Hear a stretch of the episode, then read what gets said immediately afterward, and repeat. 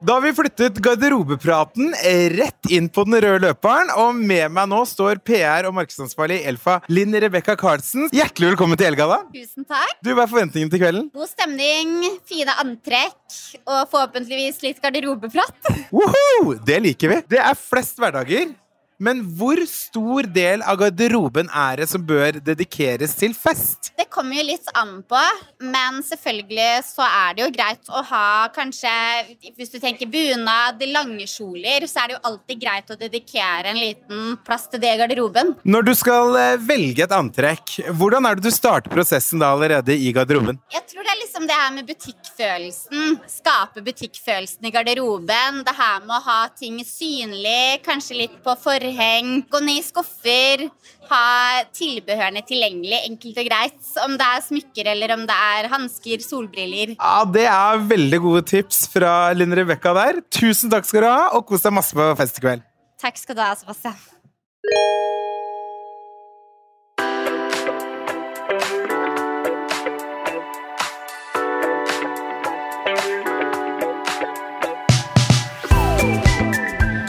Hei og hjertelig velkommen til L-podkast. I dag så har jeg med meg en gjest som jeg har gledet meg ekstremt mye til å ha her i studio. Eh, og det er jo rett og slett fordi at det har jo vært litt hemmelig, eh, det som skulle skje nå i november. Og ikke minst at du er månedens covergirl. Kjære Pia Tjelta, hjertelig velkommen. Endelig. Tusen takk. Altså, Vi har jo visst det her lenge, at du skulle lede Elgallaen eh, som gikk av stabelen for når vi spiller inn dette, så er det fredag, så det er to dager siden. Eh, men eh, ja, nå er katta ute av sekken. så eh, veldig, veldig hyggelig. Eh, vi kan jo, altså Først av alt så må jeg bare spørre, hvordan, hvordan har du det om dagen? Det har jo vært en heftig produksjonsperiode, eh, ikke bare med oss og, og Elgaland, men du spiller jo forestilling også på Christiana Teater i disse dager. Mm -hmm, det gjør jeg. Så hvordan jeg har det akkurat nå? Ja. ja nei, nå er jeg ganske trøtt. Ja. og litt halvsjuk og litt uh, slagen. Ja. ja. Men du er sporty og eh, stiller opp. um, vi kan jo begynne litt med Elgallaen, da. Uh, for det har vi på en måte ikke fått uh, snakket ordentlig nei, om. Nei, vi har ikke debrifa. Nei, vi har ikke debrifa. Vi kan ta en liten debrif her nå. Mm -hmm. hvordan, hvordan, var, hvordan var kvelden for deg, egentlig? Eh, jo, kvelden for meg var jo først og fremst jobb, eh, så jeg eh, holdt eh, eh, Jeg prøvde bare å fokusere, holde roen, eh, ikke ase meg opp. Jeg hadde en skikkelig fin Hva heter det? Nei, jeg hadde en fin start oppe på rommet med hvor Dattera mi var der, og Nina og Dita, som er på teamet mitt, og venninna mi Agnes Kittelsen var. Så vi var liksom samla en sånn liten gjeng, og de, eh, de hjalp meg med Q-cards, og de hørte meg, og de, de var liksom Så jeg fikk øvd litt med de, og det var veldig koselig. Og så uh, var det jo ekstremt vel gjennomført, vil jeg si. Fra... Og mye takket være deg. Altså, du ledet Nei, jo kvelden med med glans. Jeg må få lov å skryte av det. Du trenger ikke gjøre det. Jeg gjør det. Oh, takk. Nei, jeg mente ikke det, men det var, det var godt planlagt fra produksjonens side òg. Så det gikk jo ganske smooth, syns jeg. Til at vi ikke egentlig hadde hatt noen prøver eller øvd eller Så det, de var veldig flinke, alle de som jobbet. Både liksom med det eh, Alt det organisatoriske rundt, og lys og lyd, og alle var liksom Alle var på ballen. Så det føltes jo litt som et stunt. Ja. Uh, Iallfall jeg som er vant med å ha seks til åtte ukers prøvetid på noe. Så uh, til å være en sånn ting man nesten stunter, så syns jeg det gikk kjempebra.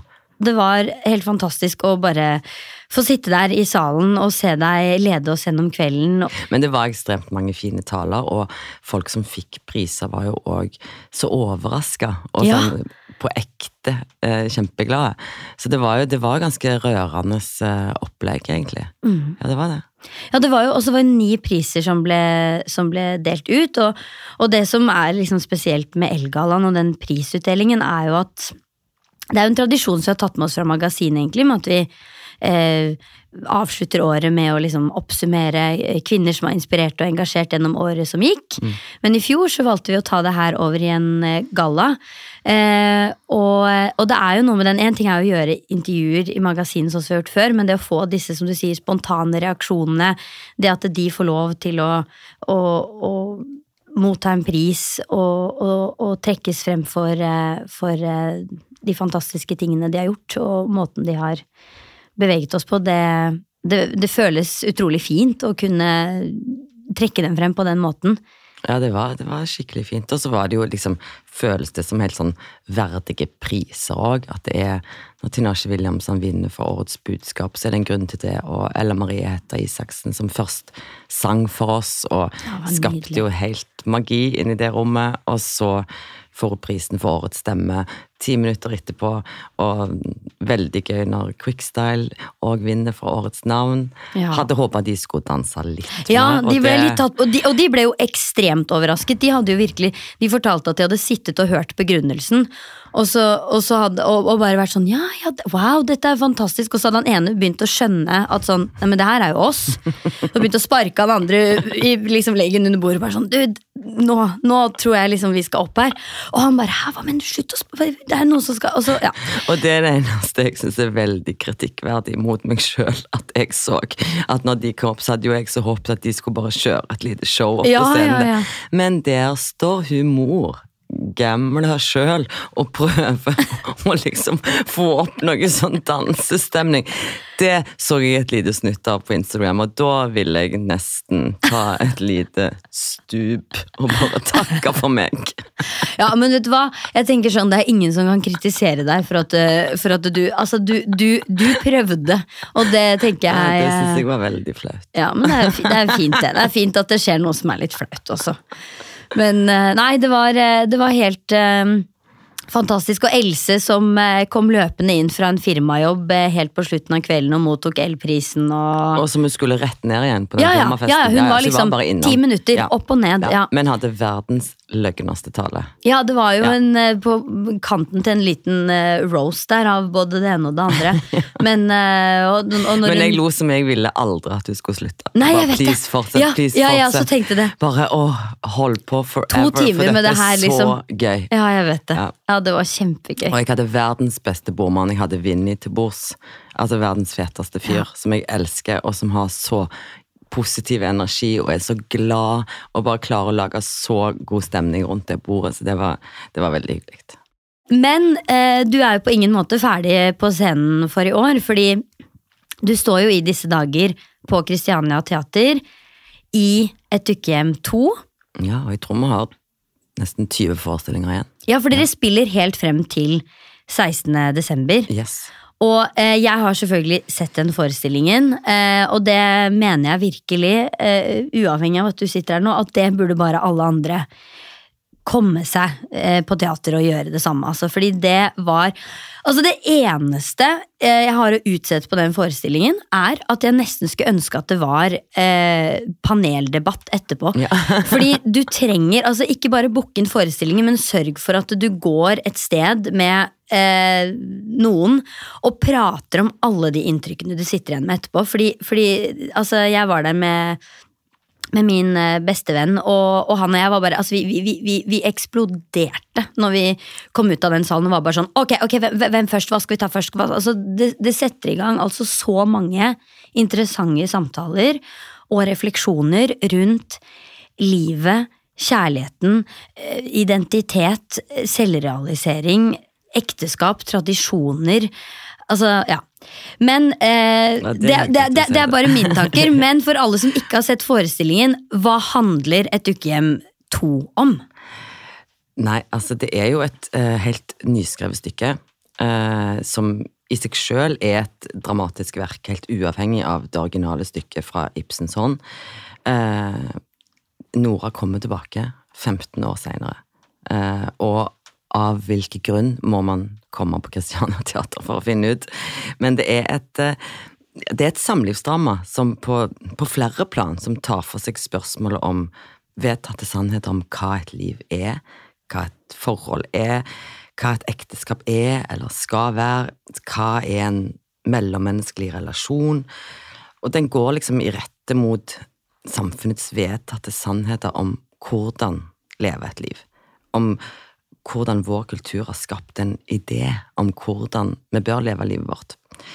Eh, og Nora, i dette stykket, har gjort seg noen helt andre refleksjoner hvordan, eh, om hvordan et menneske skal leve et liv. Så hun har jo på en måte slitt seg fra de rammene som hun sjøl var med på å skape, eh, sammen med Thorvald. Så når vi møter henne her, 15 år senere, så er det med helt andre innsikter eh, om livet på den andre siden av ekteskapet, da. Eh, og hva det har lært henne. Men stykket sympatiserer jo ikke nødvendigvis hennes vei. Eh, hun får masse motstand av både Anne Marie, som har jo oppdratt hennes barn mens hun har vært vekke, som også har oppdratt henne. Eh, og fra Thorvald og fra datteren Emmy, som har helt andre verdisyn. Så det finnes, så, det finnes flere sannheter da, i stykket.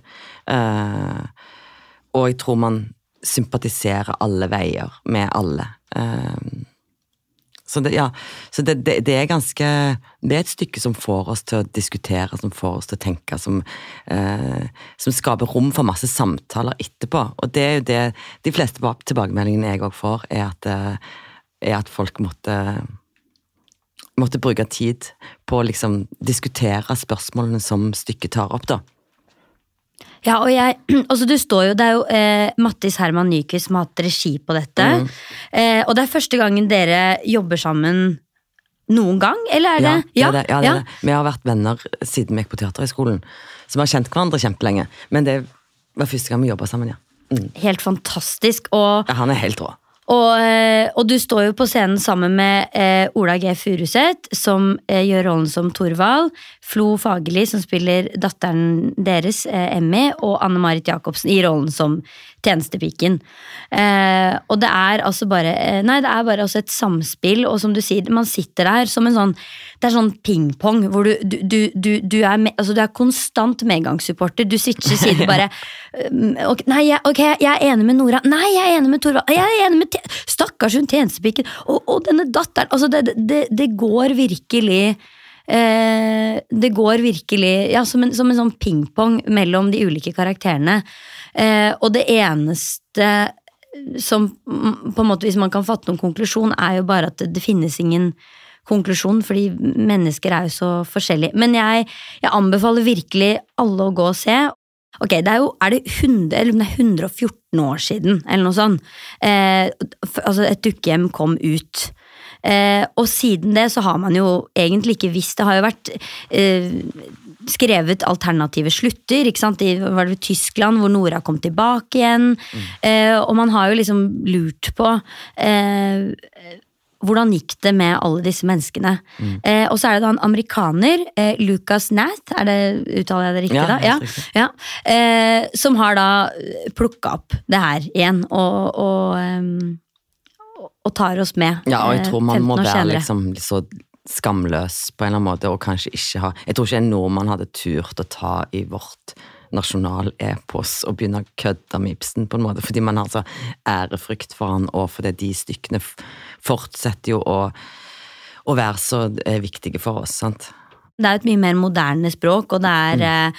eh, Det er jo eh, det, og det er det som er så interessant med det, fordi et dukkehjem er jo fortsatt relevant i dag fordi disse mellommenneskelige tingene fortsatt er så relevant. Um, men likevel så, så, er Altså, det er så lite som egentlig har endret seg. Vi baler fortsatt med det samme. Mm -hmm. Ja, men Det er jo litt det som alltid er så interessant med å gå inn i, i hans materiale. For det har jo Lucas Nett har jo bygga videre på de samme karakterene.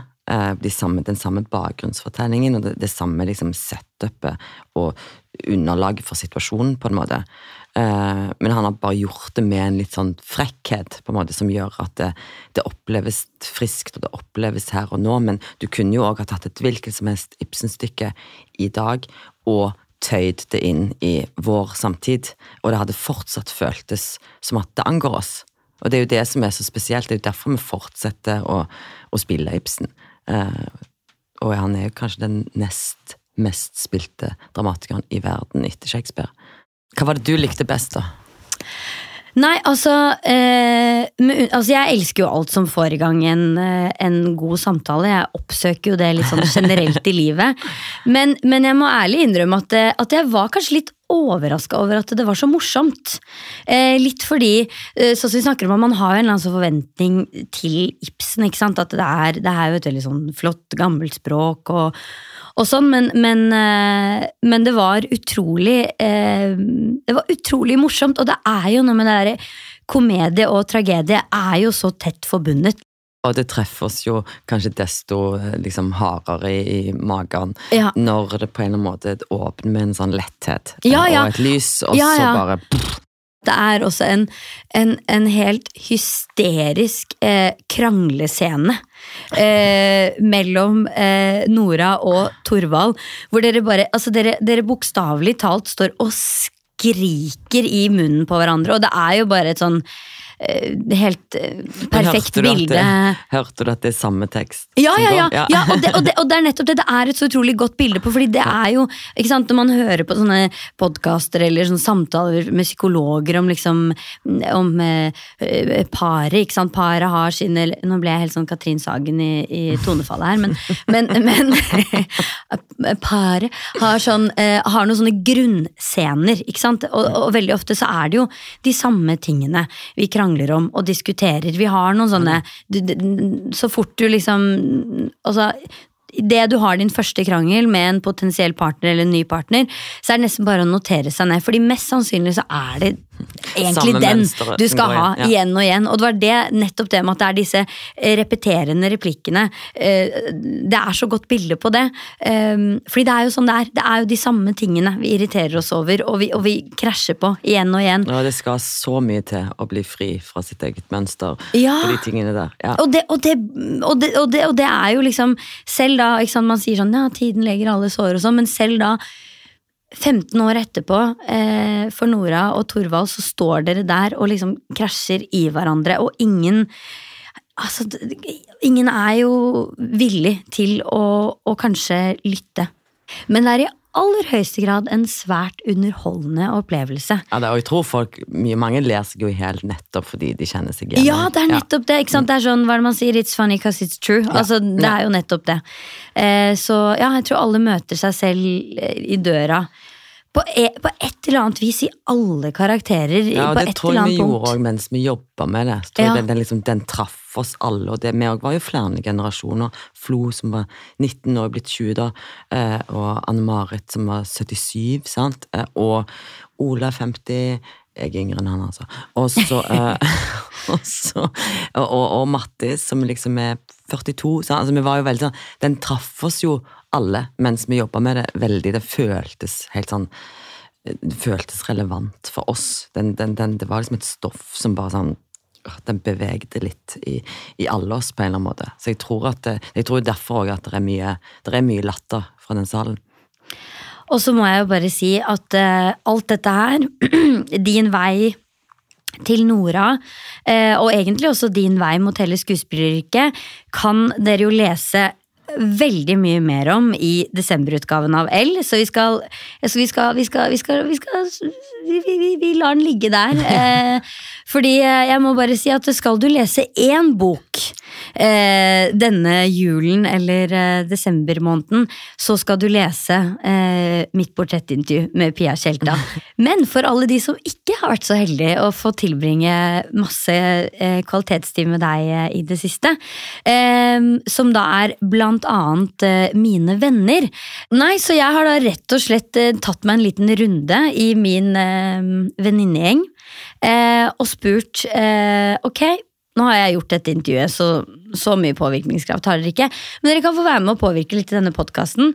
Eh, for hva ville dere spurt eh, Pia Tjelta Å, herregud. Ja, så altså, har du ringt rundt til folk, da? jeg har ringt, jeg har tatt det over noe, over noe vin, over noe kaffe. Det har vært, det har vært en liten oppsamling her.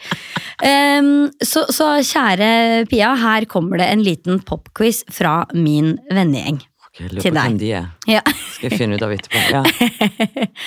ok, første spørsmål er Har du eh, en rutine i hverdagen som du er helt avhengig av? Det kan være alt fra jeg må drikke denne type kaffe eller te om morgenen, til jeg kan ikke legge meg før jeg har. Eh, Min eneste rutine i livet er at eh, jeg må ha en dobbel cappuccino på havre fra Kaffebønneriet hver dag. Inkludert søndag. Inkludert søndag. Ja. Ok. Hvor, er det noe sånn den og den må komme innen klokka Nei, det, det, det skal ikke bikke langt over elleve, for den må være fortært. Nei. Jeg skjønner. Så det jeg da alltid innom der. Eh, Ja. Men livet mitt er jo litt lite rutinebasert, fordi jeg gjør så mange forskjellige ting. Eh, og i perioder så er jeg på teater, og da gjør jeg bare det. I andre perioder så jobber jeg bare med klesmerket, og da er jeg bare der. Så det, de, de endrer seg jo liksom litt. Og hvis man filmer, så filmer man jo ofte i utlandet eller andre steder. Uh, ja, så da er, da, da, da er ikke det så lett å holde Jeg tror jeg burde blitt litt mer sånn rutine. Ja, jeg tror kanskje jeg burde blitt det, ja. Når jeg tenker meg om. Men den havre, nei, havre cappuccinoen, det er smaken av rutine. Ja, altså, den skal ned, da. Ja. ok. Neste spørsmål. Hvem ser du opp til? Oi. Veldig mange ser jeg opp til. De aller fleste rundt meg som jeg har både tett på meg, ser jeg jo veldig opp til. Det er jo derfor jeg vil være med dem, jeg, det er noe ved de som jeg beundrer. Ehm, og jeg er glad i å beundre andre, eh, eller bli inspirert av andre. Og, ja, nei, jeg beundrer jo liksom Jeg beundrer mine nærmeste veldig. Sånn de jeg har sånn tett på meg, som Vanessa, som Synnøve, eh, og, eh, og de kollegaene jeg har tett på. Men beundre sånn mm, Jo Jeg beundrer hun Linde Surum, som er generalsekretæren i Leger uten grenser, som vi har møtt nå i forbindelse med Elgaland, hvor vi samla inn penger til Leger uten grenser og Redd Barna. Eh, så fet dame. Ja, virkelig. Skikkelig kul. Eh, ja, hun var, hun var det ekstremt inspirerende å møte. Og Ida Ekblad, som jeg jo er veldig, veldig fan av. Eh, alt hun lager. Eh, hun syns jeg òg er Ja, hun beundrer jeg òg ganske mye. Hun lager så fine ting. Ja, hun er Ja. helt fantastisk. De var jo innom podkasten her fem minutter eh, forrige episode, så de som ikke har hørt den, kan høre de snakke litt eh, der. Ja. Eh, men helt enig. Og så må jeg faktisk også si igjen, nå har vi tilbrakt litt tid sammen i det siste, du er ekstremt god på å framsnakke folk. Eh, og, og senest da vi satt på Theatercaféen for å gjøre intervjuet, eh, så kommer, eh, om det var hovmesteren eller eh, Ja, jeg tror det. Ja. ja, Mm. kommer innom, og da skulle de eh, avduke nytt portrett på veggen. Da var det Maria Bonnevie som Mm. var siste som kom opp. Og da også eh, var det jo bare sånn, men dere må få Karpe opp på veggen. Og holdt også en sånn nydelig, nydelig liten tale til han om, om hva de har gjort for Ja, norsk kulturliv. Ja, for litt spesielt at hvis det skal være noen som har betydd noe for eh, Altså, for kulturlivet og for norsk kultur, så syns jeg jo sånn Altså, dere kan ikke bare liksom considerate uh, skuespillere her. Nå må dere begynne liksom å tenke hvem har betydd noe for kulturen vår. Det er jo absolutt Det har absolutt Karpe gjort. Ja, Eh, du er, og, og for liksom og flere generasjoner enn de unnskyld, gamlisene så, så henger der. Så jeg tenker at um, Ja, men det var gøy. Var det når Maria fikk portrettet sitt. Det var jo veldig rørende opplegg. Jo, jeg beundrer Henriette Stenstrup òg helt sånn sjukt mye. Altså Det er altså ei slags dronning. Det, hun har en kapasitet ut av en annen verden. Helt ellevill kapasitet. ok, neste spørsmål. Hva er du mest redd for? Ja, selvfølgelig ungene mine. Eller for at noe skal skje dem. Det kan jeg ha sånn hver kveld når jeg sovner. Så kan jeg få et sånn lite rush av en slags eh, Et slags bilde i hodet som er sånn At et eller annet skjer med dem. eh, som er sånn Som ligger som en sånn underliggende frykt i meg eh, 24-7, egentlig. Og så, eh, har du noen gang hatt kjærlighetssorg? 110% Hver gang har jeg hatt det. Ja. Hver gang, altså, alltid endt opp med korteste strået i hvert forhold jeg har vært i. Føler jeg. Så jeg har hatt kjærlighetssorg for hver type jeg har vært med. Og hvordan har du kommet deg gjennom det? Fått ny type. Ok, Så kun, ja, ja, kun mot kjærlighetssorg er forelskelse, rett og slett? nei, ikke nødvendigvis forelskelse engang. Du må bare finne noen å klamre deg fast til. Ok, det er et tips jeg. elsker. Ja, men du må bare det. Det er bare, altså, det er bare uh, Uansett om du ikke er uh, Om du ikke liksom emosjonelt er klar for det, så hadde sånn, jeg var sånn jeg møtte Oddi. Bare holdt fast i han, jeg. Bare ok, ok. Eh, Og så ble du jo vender- gravid etter fem minutter. ja, ja, sant, så det var det jo gjort. Men det er bare å vende kroppen til en ny lukt, en ny kropp, en ny uh, Her bare å uh, Hold deg skamhardt fast, enten i bordplata hvis du er alene, eller bare i et annet menneske. Så går det seg til. Altså Dette her elsker jeg. Er, altså jeg føler alle er sånn Nå skal du være alene og føle smerten, og eneste veien ut deg gjennom og Nei, samme det. Du Ja. må bare rebounde i Ja. et helvetes Drit i det. tempo. Ja. Livet er for kort. Ja. Eh, ok, eh, neste spørsmål. Hvem eller hva har Altså, her er det litt flere ord å velge, da, men påvirket, forandret eller utviklet deg mest?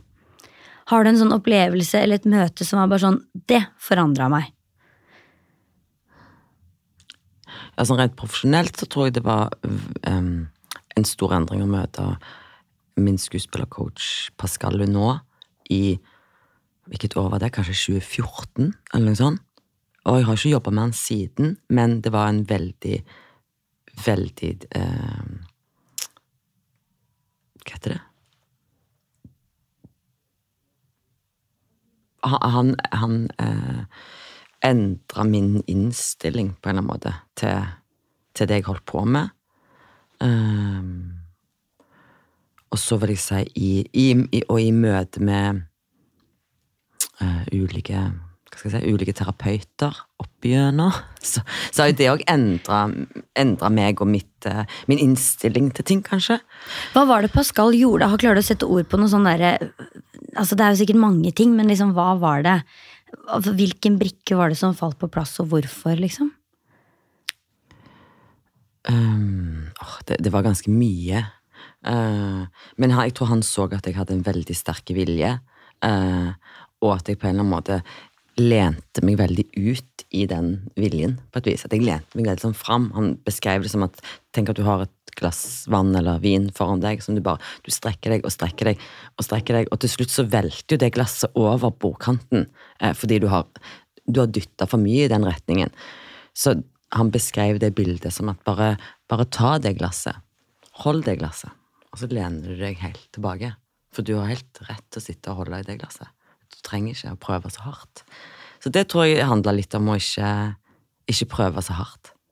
Men å bare lene seg inn i og eh, jobbe, jobbe seg fram til en eller annen form for trygghet, da. Eh, om at eh, man har rett til å være her. Og rett til å være kunstner, rett til å være eh, der man er. Jeg tror det handla mye om det. Det var litt sånn selvtillitsting, på en måte, som eh, han forandra i meg. Eller lærte meg, da, tror jeg. Jeg lærte meg masse av han. Han er helt special, selvfølgelig. Og privat, da? Nei, det, det, det går jo ofte litt sånn sammen.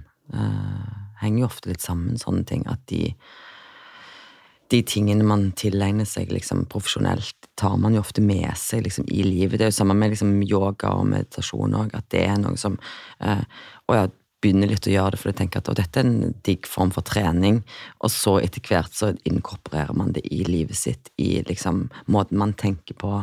Eh, um, det er litt sånn if you steady your breath, you steady your mind, and then you steady your actions.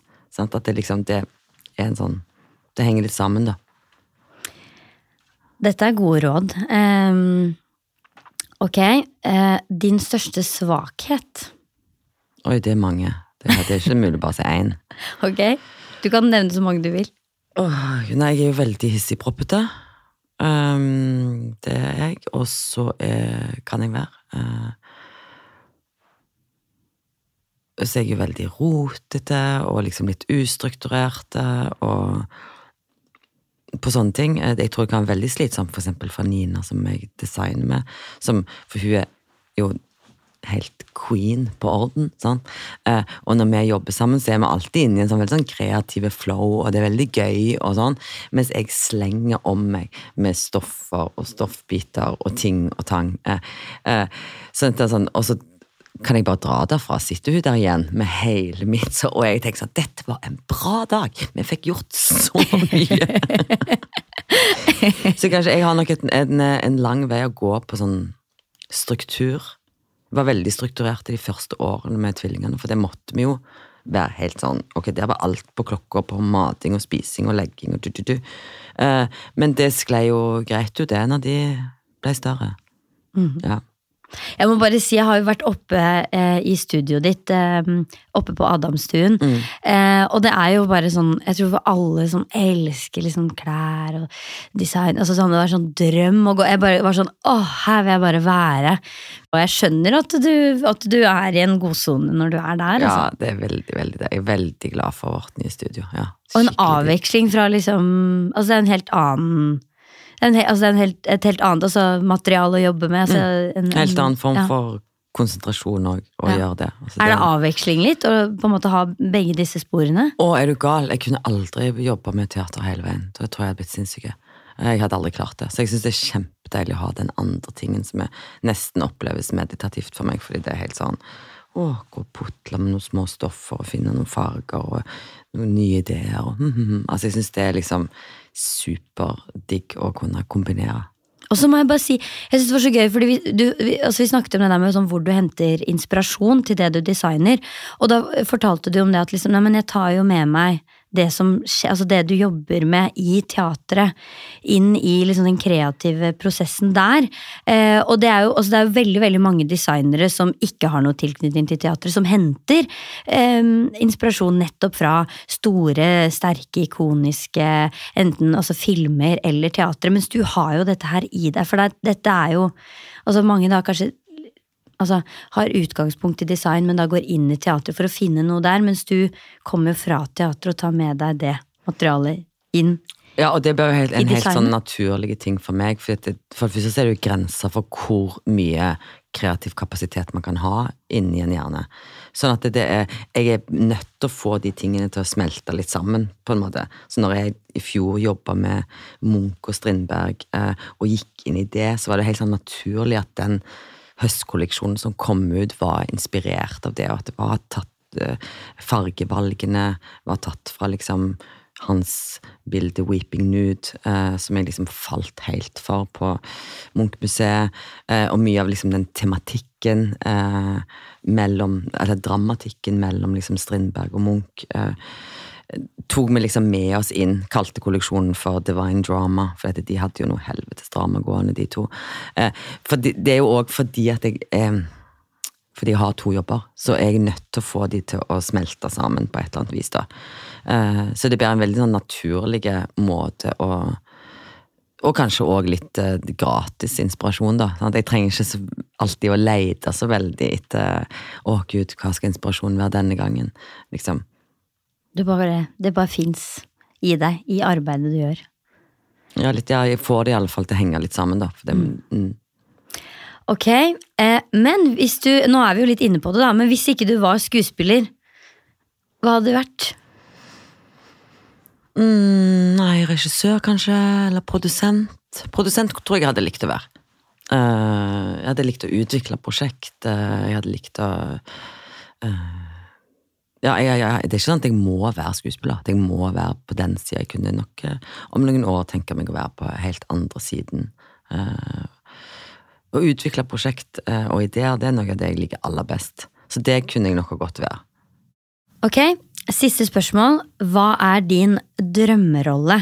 Og da trenger det ikke nødvendigvis å være sånn Nora i et dukkehjem. Det kan være en type altså situasjon eller type menneske. Å nei, det er nok et sånt eh, Et sånt uh, overdådig kostymedrama hadde jeg elsket å spille i. Du, er det da sånn helt sånn klassisk med liksom eh, Altså type Jane Austen, eller kunne det vært litt sånn Bridgerton, moderne Nei, nei det, det er egentlig samme, bare at det var liksom inni et litt sånn oppløfta univers. Ja. Eh, og at det var eh, ja, altså kostymer som er veldig fjernt fra liksom sånn ullgenser og jeans som jeg går i, men bare en sånn inn i en sånn helt ny og annen verden. Det, det, det, det drømmer jeg om ja. Da krysser vi fingrene for at det kommer, går i oppfyllelse. Ok, helt til slutt. Hva er, eh, nå er det jo da et ukehjem to eh, til 16. desember. Eh, og så skal det jo eh, være litt av jul, og det er noen sånne, sånne ting som skal skje. Men hva er ditt neste prosjekt? Er det noe du kan avsløre for eh, 2024 som vi kan begynne å glede oss til? Uh, nei, jeg skal gjøre en film. Spille en film en, Ja. gang, en gang i vår. Kanskje helt sikkert er men jeg tror det blir ganske spennende. Og utenom det skal jeg ha en, en liten teaterpause, faktisk. Da gleder vi oss til å se deg på det store lerretet. tusen, tusen hjertelig takk for at du kunne komme. Takk for at jeg fikk komme. Takk for at du har orka å henge med meg så, så, over så mange dager. Tusen takk, eh, kjære Pia, for at du har vært der. Ingenting å Altså, det å henge med deg har vært eh, en gave.